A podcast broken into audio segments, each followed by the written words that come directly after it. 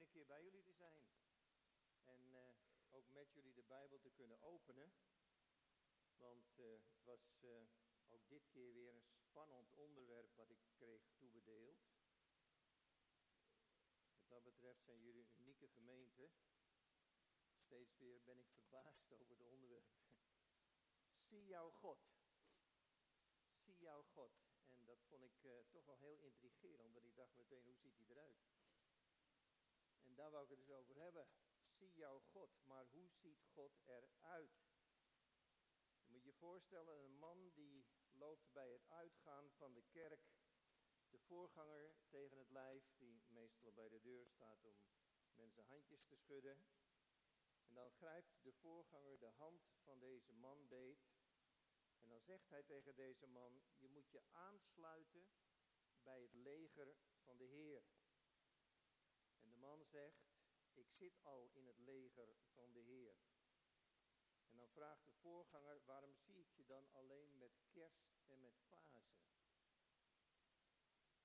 En dan fluistert de man terug, ik zit bij de geheime dienst.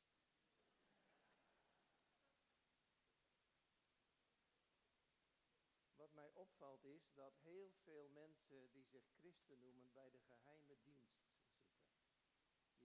zelden in een gewone dienst, maar ze zitten bij de geheime dienst. En natuurlijk is het waar, God laat juist zijn gezicht zien met kerst en Pasen. Want juist met kerst en Pasen toont God wie hij is in Jezus. Zowel in de komst van Jezus als in het volbrachte werk van Jezus. Maar hoe ziet God eruit? Zie jouw God. Eens even beginnen met de vraag, wie of wat is God eigenlijk? En het antwoord op die vraag vind je in Johannes 4, vers 24. God is geest. En de waarachtige aanbidders aanbidden in geest en in waarheid. Nou rijst meteen de tweede vraag, maar wat is een geest? Hoe ziet een geest er dan uit? God is geest, maar hoe ziet hij eruit? En dan zie ik in Lucas 24, vers 39, hoe Jezus na zijn opstanding binnenkomt bij zijn discipelen, zijn leerlingen. En die schrikken daarvan en die roepen, een geest. En dan zegt Jezus, knijp eens eventjes in mijn armen enzovoort. En zie dan dat een geest heeft geen vlees en geen beenderen. Een geest is eigenlijk een onzichtbare werkelijkheid. Maar ja, wat moet je dan met Genesis 1, vers 27, waar staat dat God schiep de mens naar zijn beeld en gelijkenis. En God is geest, maar wij zijn vlees en bloed. En we zijn geschapen naar Gods beeld en gelijkenis. Paulus die zegt in Colossense 1, vers 15, Jezus is het beeld van de onzichtbare God. Dus als ik Jezus heb gezien, heb ik God gezien. Het probleem is dat als ik Jezus wil zien, dat ik dan een paar duizend jaar terug moet in de tijd. Als ik in Zuid-Amerika ben op het zendingsveld, dan is Jezus altijd afgebeeld met zwarte haren en donkerbruine ogen. En als ik in Italië ben, dan is hij altijd afgebeeld met blonde haren en blauwe ogen. Ziet God er dan zo uit? En dan kom je tot de ontdekking dat het niet gaat om uiterlijke kenmerken. Maar dat het wel waar is, wie Jezus heeft gezien, heeft God gezien. En dan gaat het niet om het uiterlijk, maar dan gaat het om het karakter, de natuur, de aard van God. Zie jouw God. Niet in levende lijven, maar wel in zoveel andere mogelijkheden. En dan denk je dat je alles hebt opgelost, je bent eruit, dit is het antwoord. En dan ga je het Oude Testament lezen en dan kom je in Exodus hoofdstuk 24, vers 11. En daar staat dat de vooraanstaande Israëlieten zitten daar te eten en te drinken. En dan staat er, en zij zagen God en ze aten en ze dronken. Een aparte tekst. Ik zou geen hap door mijn keel krijgen. Ze zagen God. En de vraag is, wat zagen ze dan? Jesaja zegt het zo heel mooi in hoofdstuk 6, vers 1. Ik zag de Heer zitten op zijn troon. Maar wat zag hij dan? Als Mozes op een gegeven moment zegt tegen God, ik zou u wel eens willen zien, dan zegt God, niemand kan mij zien en leven. Als je mij ziet, zul je sterven. Maar het gekke is, dat als Mozes dan doorvraagt en zegt, maar ik zou je toch een keertje graag willen zien, dan zegt hij, nou verschuil je in de spelonk en als ik voorbij kom, hou ik mijn hand er wel even voor en dan kan je mijn achterkant zien, gestalte zien. Maar even daarvoor zegt God tegen hem, met mijn knecht Mozes spreek ik van aangezicht tot aangezicht. Wat een verwarrend boek is die Bijbel eigenlijk. Ongelooflijk. Ik kan me best voorstellen dat mensen zeggen, dat klopt allemaal niet zo geweldig. Je kunt hem zien en je kunt hem niet zien. Maar wat zie ik dan? Wat mag ik dan zien? Hoe, hoe moet dat dan verder? Wat zag Jezaja dan enzovoort? Want Jezus zegt toch heel nadrukkelijk in Johannes 1 vers 18, niemand heeft ooit God gezien dan de enige geboren zoon van God. En wat zagen die mensen dan? Jacobus die zegt het eigenlijk heel mooi. Als ik in een spiegel kijk, dan zie ik mezelf. En als ik wegloop, ben ik terstond vergeten hoe ik eruit zie. Maar dan zegt hij eigenlijk nog iets en als je dat oppakt, begrijp je er iets meer van. Als ik in de spiegel van het woord kijk, dan zie ik wit God weer spiegeld in zijn woord. Ik zie God in zijn woord tevoorschijn komen. Ik kijk in de spiegel van dat woord. Dan zie ik dus God weer spiegeld in zijn woord. Ik, ik heb even een vraag aan jullie. Heb je je eigen gezicht wel eens een keertje gezien? En als je nou antwoordt, dan zul je waarschijnlijk zeggen, ja, ik heb mijn eigen gezicht gezien als ik in de spiegel kijk. Maar dat is niet je eigen gezicht, dat is een spiegelbeeld. Je hebt je eigen gezicht nog nooit gezien. Als je heel scheel kijkt, puntje van je neus. Alles wat je ooit gezien hebt van je eigen gezicht. Weet je wie je gezicht ziet? Je buurman, je buurvrouw. Mensen die naar je toekijken, naar je, naar je kijken. Die, die zien je gezicht. Maar ik heb mijn gezicht nog nooit gezien. En toch kan ik naar volle waarheid zeggen, ik heb mijn gezicht gezien. Ik heb het spiegelbeeld van mijn gezicht gezien. Niemand heeft ooit God gezien dan de enige geboren zoon van God. En toch heb ik God gezien. En waarin heb ik God gezien? Weerspiegeld in zijn woord. Ik zie God daar in zijn karakter, in zijn aard, in zijn natuur, wie hij werkelijk is. En die God heeft ons geschapen. En ik mag lijken op hem, zijn aard, zijn natuur, wie hij ook werkelijk is. Ik mag dat zeggen. Maar ik zou toch wel een beetje dichter bij God willen komen. En nog meer, meer van hem willen ervaren. En ik denk jullie ook. En dan laat de Bijbel je zien dat je via je lofprijzing en aanbidding kunt komen in de tegenwoordigheid van God. Ik heb eens een keer geschreven, aanbidding is een zaak voor minnaars. Je aanbidt dat wat je bemint. Dat wat je lief hebt. Ik heb ook ontdekt dat heel veel liederen aanbidding betreffen. En liederen ontstaan ook vaak bij allerlei gelegenheden. Als uitingen van vreugde, maar ook wel ontstaan er liederen door verlatingsangst. Misschien weten jullie het nog wel, maar John Lennon, die schreeuwt het uit in het liedje Mama Don't Go, Daddy Come Home. De angstdroom van het kind is dat zijn ouders weggaan en nooit meer thuis, thuiskomen. De Vlaamse zanger Jacques Brel, die werd beroemd door een lied over verlatingsangst. Jullie kennen het misschien nog, Ne me quitte pas. Laat me niet alleen. En hij schreef het toen zijn moeder ernstig ziek was. Verlatingsangst. Liederen drukken iets uit. Augustinus die zei dat zingen het gevoel voor God kan ontdooien.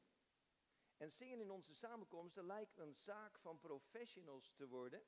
Maar Spurgeon zei, en hij drukte de mensen dat ook op het hart, dat ze niet voor zich moesten laten zingen, maar dat ze zelf moesten zingen. Want als je zelf gaat meezingen, gaat zingen, dan zit daar een bovenmenselijke herscheppende kracht in. Zei Spurgeon. Daar zit iets in. Het is krachtig om met onze eigen stemmen God te aanbidden. Voor Augustinus was uh, zingen de hoogste vorm van gebed.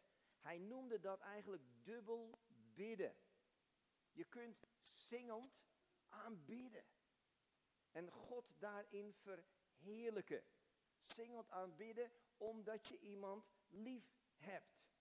En, en je, moet, je moet er heel erg voor oppassen dat het accent niet verschuift van de aanbidding van God naar het vermaken van je kerkgangers. Want die kerkgangers moeten niet alleen luisteren, maar die moeten ook zelf komen tot die aanbidding. Er moet niet voor je aanbeden worden. Je moet het zelf gaan doen. Keith Green was beducht voor dat gevaar. Hij wilde geen ster, afgod of idool worden. Hij zei, ik voel de verleiding om vanaf het podium mensen te manipuleren door te zeggen wat hen emotioneel raakt. En dan zegt hij op een gegeven moment in een lied, Make My Life a Prayer to You. Ik wil zelf aanbidden en niet mensen laten horen hoe ik het doe, maar ze daarin meenemen. Nou, zie jouw God. Hoe kan ik die God zien? In je NBG-vertaling is Psalm 50, vers 23 daar nog heel duidelijk in. Dan staat daar, wie lof offert, eert mij en baant de weg dat ik hem Gods heil doe zien. In je NBV staat gewoon, als je hem eert, word je gered. Nou, een beetje anders. Maar juist dat eerste vind ik heel erg mooi. Wie lof offert, eert mij en baant de weg. Door Hem te prijzen en te aanbidden wordt er een weg gebaand dat ik iets ga zien en ervaren van de heerlijkheid van God. In Psalm 122, vers 4b staat, een voorschrift voor Israël is het de naam van de Heer te loven. En in Ezekiel hoofdstuk 44, vers 15, maar de Levitische priesters, de zonen van Sadok, die de dienst in mijn heiligdom in acht genomen hebben toen de Israëlieten van mij afdwaalden, die zullen tot mij naderen om mij te dienen en ze zullen in mijn dienst staan om mij vet en bloed te brengen, luidt het woord van de Heere Heere. Dus ze zeggen, nader tot mij in je lofprijzing. Maak hem groot. Hebben jullie ontdekt dat lofprijzing minder simpel is dan je vaak denkt? Ik heb mensen wel eens uitgedaagd om minutenlang de Heer te loven en te prijzen. En sommige mensen beginnen al meteen met de aankondiging, ik ga u loven en prijzen. Punt. En dan vinden ze dat ze al heel wat hebben gedaan. Maar dat was de aankondiging. Ik stel me dat altijd heel plastisch voor. U zegt, jij zegt, ik wil u loven en prijzen. En in de hemel stoot de vader de zoon aan en zegt, gaat beginnen. En jij zegt amen. Er zijn ook mensen die beginnen al meteen met het zinnetje woorden schieten mij tekort. Ja, dat schiet ook lekker op. Dan ben je meteen klaar. Je hebt altijd woorden tekort. Maar je zou minimaal een poging kunnen doen om de Heer te prijzen. Toen Fieken en ik eh, nog maar kort op het zendingsveld zaten, woonden we nog in zo'n uh, koloniaal huis van hout in een bananenplantage. En in die huizen heb je van die houten schotten tussen de kamers. En daarboven is het open dat het een beetje doortocht, want airco en zo hadden ze nog niet. En we hadden toen gasten uit Zwitserland. Karel Hoekendijk zei toen tegen ons van leer die het vak maar van zendeling. Hij sprak alleen Frans en zij sprak Duits en Frans en wij spraken Engels en Nederlands. Kakofonie van talen. En elke morgen vroeg hoorden we door dat dunne schotje heen hem tegen haar iets zeggen. En dan giechelde zij. En op een morgen aan het ontbijt had mijn vrouw Fieken het niet meer. En ze zei tegen dat vrouwtje, wat zegt je man nou elke morgen? Dat je zo moet lachen. En ze zei, oh hij is zo romantisch. Elke morgen heeft hij een ander dierennaampje voor me. Zo geweldig. En mijn vrouw keek mij een beetje verstoord aan. Met zo'n blik van, jij doet dat nou nooit eens. En ik kon het niet laten. Ik zei tegen dat vrouwtje, maar wat was je vanmorgen dan? Oh, zegt ze, hij zei mijn olifantje. Nou, daar werd ik niet warm of koud van hoor. Wat ik wel leuk vond was dat hij zijn best deed om zijn liefde uit te drukken op steeds weer een andere manier. En hij had daarvoor de dierenwereld gekozen. Maar dat lijkt mij een linker zaak. Want Stel je voor dat je op een morgen niet anders weet te bedenken dan kwal. Dan hang je toch ook, hè? Dus dat moet je eigenlijk niet willen. Maar hij heeft me wel geïnspireerd. Om mijn vrouw wat andere woorden toe te voegen, maar ook om vooral naar God toe het steeds meer te ontdekken, als het ware, hoe je hem groot kunt maken. Prachtig. Ik heb ook wel eens gedacht, hoe moet je nou een aansluitend lied vinden op sommige preken? Dat is ons aanbiddingsteam ook wel eens uh, ja, moeilijk gevallen. Lastig geweest. Ik herinner me een predikant die bijna klaar was met een preek over geheelonthouding. En hij had uit volle borst geroepen, als ik alle wijn had, zou ik het in de rivier gooien. En hij had alle dranken zo'n beetje afgewerkt. En toen kwam hij bij de whisky. En toen zei hij, als ik alle whisky van de wereld had, zou ik het in de rivier gooien. En toen ging hij zitten. En toen kwam de zangleider op het lumineuze idee, laten we als slotlied zingen, daar bij de rivier gaan je voeten dansen.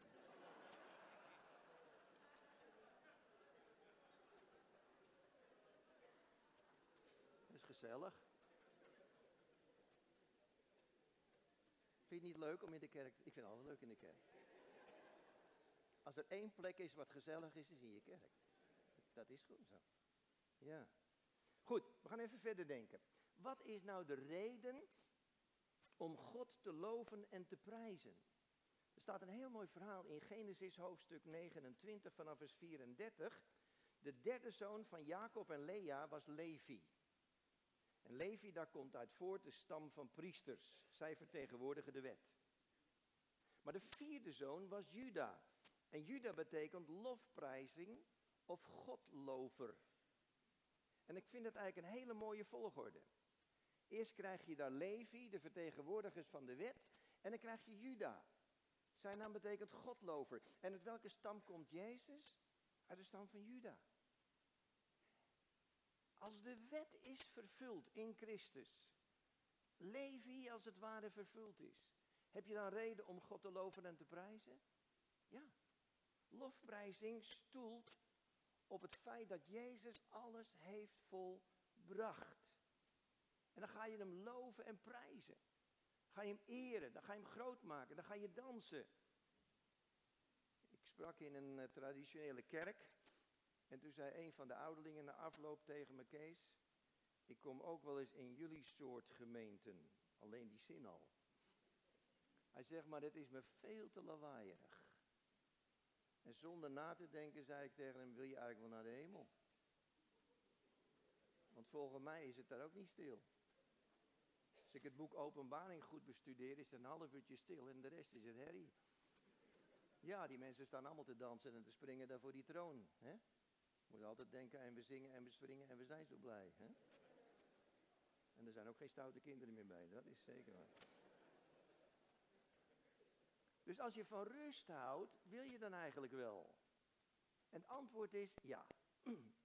Want je wilt zijn in de tegenwoordigheid van God.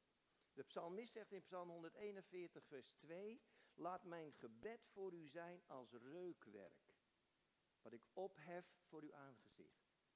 En wat ik zo mooi vind en wat me enorm geholpen heeft, is Klaagliederen 3, vers 41. Laten we met onze handen ook ons hart opheffen tot God in de hemel. Ik ben om mijn achttiende op straat tot bekering gekomen in Amsterdam. En daarvoor ben ik wel eens in zo'n opwekkingssamenkomst geweest en dat deed me helemaal niks. Ik zag al die mensen daar staan zwaaien en ik had geen idee wat het betekende. Maar in de Bijbel staat dat je met je handen je hart opheft naar de Heer. En dat je Hem groot maakt. Alles geeft wat in je is. Reukwerk wordt vergeleken met lofprijzing en aanbidding.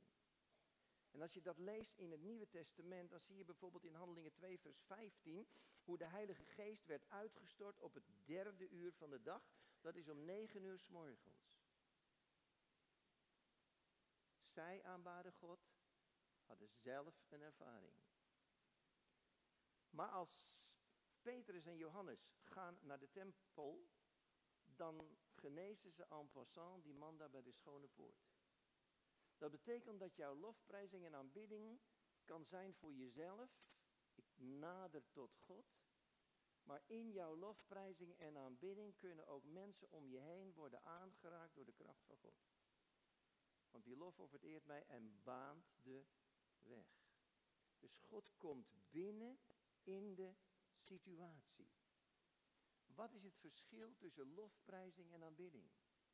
Je lofprijzing is gebaseerd op het volbrachte werk van Jezus. Je prijst Hem voor wat Hij deed. U stierf voor mij aan het kruis. U volbracht alles voor mij. Dat betekent dus dat hoe beroerd je je ook voelt, je altijd God kunt loven en prijzen. Want je lofprijzing is niet gebaseerd op hoe jij je voelt en wie jij bent, maar je lofprijzing is gebaseerd op het volbrachte werk van Jezus. Je staat dus ook niet te huigelen als je God looft en prijst, ondanks je omstandigheden. Ondanks je pijn, ondanks je strijd. Je wilt God prijzen voor de komst van zijn zoon. Lofprijzing is gebaseerd op dat volbrachte werk. Je aanbidding daarentegen heeft te maken met wie is God voor jou. En nou komt er iets heel belangrijks. Je kunt in principe niet meteen komen tot aanbidding. Als je even in gedachten neemt, de tabernakel. Had je de voorhof, het heilige en het allerheiligste. Dan weet je dat daar in die voorhof stond het brandofferaltaar onder andere. En dat was van koper. En daar werd op geofferd voor je persoonlijke zonde. Koper spreekt van oordeel. En dan werd dat altaar ingesmeerd met het bloed van het offerdier. En dan verdween dat koper van dat oordeel onder het bloed. Eigenlijk is dat ook met ons gebeurd. Wij waren onder het oordeel, maar door het bloed van Jezus verdween het oordeel onder het offer, het bloed van het lam. Maar er is meer. Want dat brandofferaltaar waar geofferd werd voor je persoonlijke zonde, was nodig voor het reukofferaltaar. En waarom was dat nodig? Omdat het reukofferaltaar, dat stond in het heilige, maar het vuur voor het reukofferaltaar kwam van het brandofferaltaar. Dus kwam vanuit de verlossing van je zonde. Betekent dus dat het vuur voor het reukofferaltaar had een basis in het volbrachte werk van Jezus, want het brandofferaltaar is het beeld van het kruis, waar hij geofferd heeft voor mijn zonde, waar hij de straf heeft gedragen, alles heeft weggedaan. En als het vuur voor het reukofferaltaar niet kwam van het brandofferaltaar, was het vreemd vuur. Dat vreemde vuur vind je bijvoorbeeld ook terug in Leviticus 10, vers 1 en 2. De zonen van Aaron gebruiken vreemd vuur. Vuur wat niet kwam, waar het vandaan zou moeten komen. Dus jouw lofprijzing gaat door, vindt zijn basis in het volbrachte werk van Jezus en komt dan als reukoffer in het heilige, waar de priesterdienst wordt verricht. En als priesters voor God staan wij daar om Hem te dienen met onze aanbidding. En door Hem te dienen met onze aanbidding, zien wij God. Wij zien als het ware God verschijnen in de rookkolom van onze aanbidding. En op het moment dat wij God zien verschijnen in die rook van onze aanbidding, zien wij God in zijn heerlijkheid, in zijn glorie, in zijn kracht, in wie hij werkelijk is. En misschien denk je, ja maar als ik nou zo ver kom, dat ik ga loven en prijzen en aanbidden, kom ik dan echt ver? En dan zie je in Openbaring 8, vers 3, dat ineens daar het reukofferaltaar in het heilige der heiligen voor de troon van God. Dat is niet normaal hoor.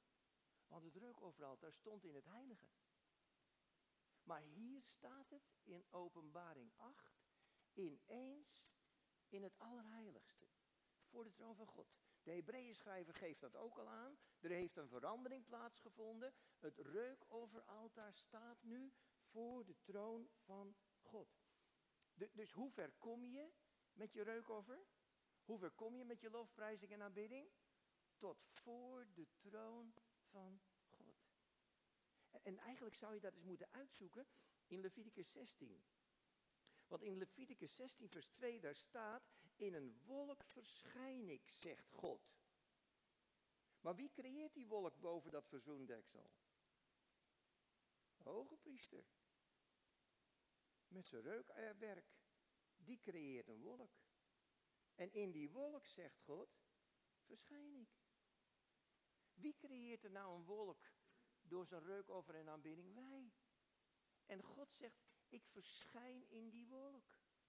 Ik verschijn in die wolk die jullie zelf creëren. Ik verschijn in jullie midden. Ik laat mezelf zien. In die wolk van jullie aanbidding word ik zichtbaar. Ga je iets ervaren? Gebeurt er iets moois? Weet je wat zo opmerkelijk is? Als je in dat heilige bent, heb je die toonbroden en die zevenarmige kandelaar en het reukoveraltaar.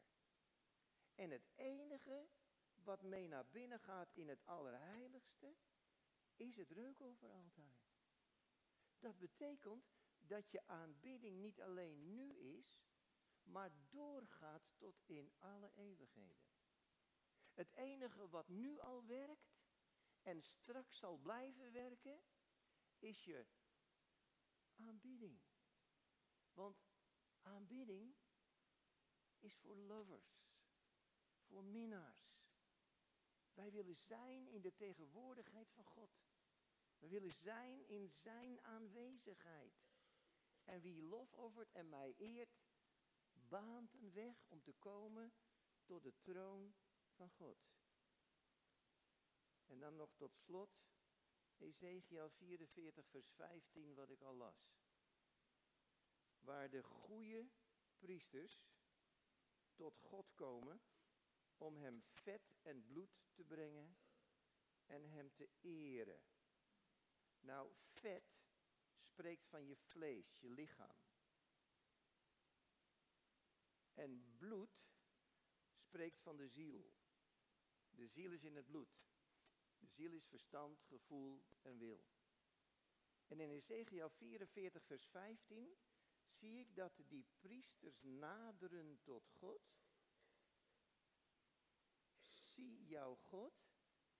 En ze leggen af vet en bloed. Alles wat vleeselijke begeerte is.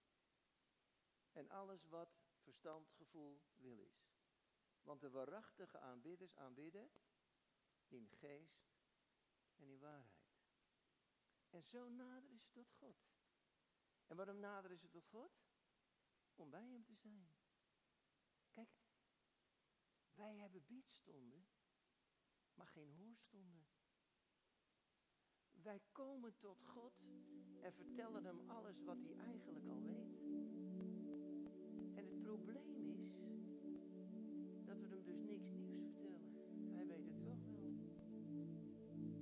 Als we nou eens zouden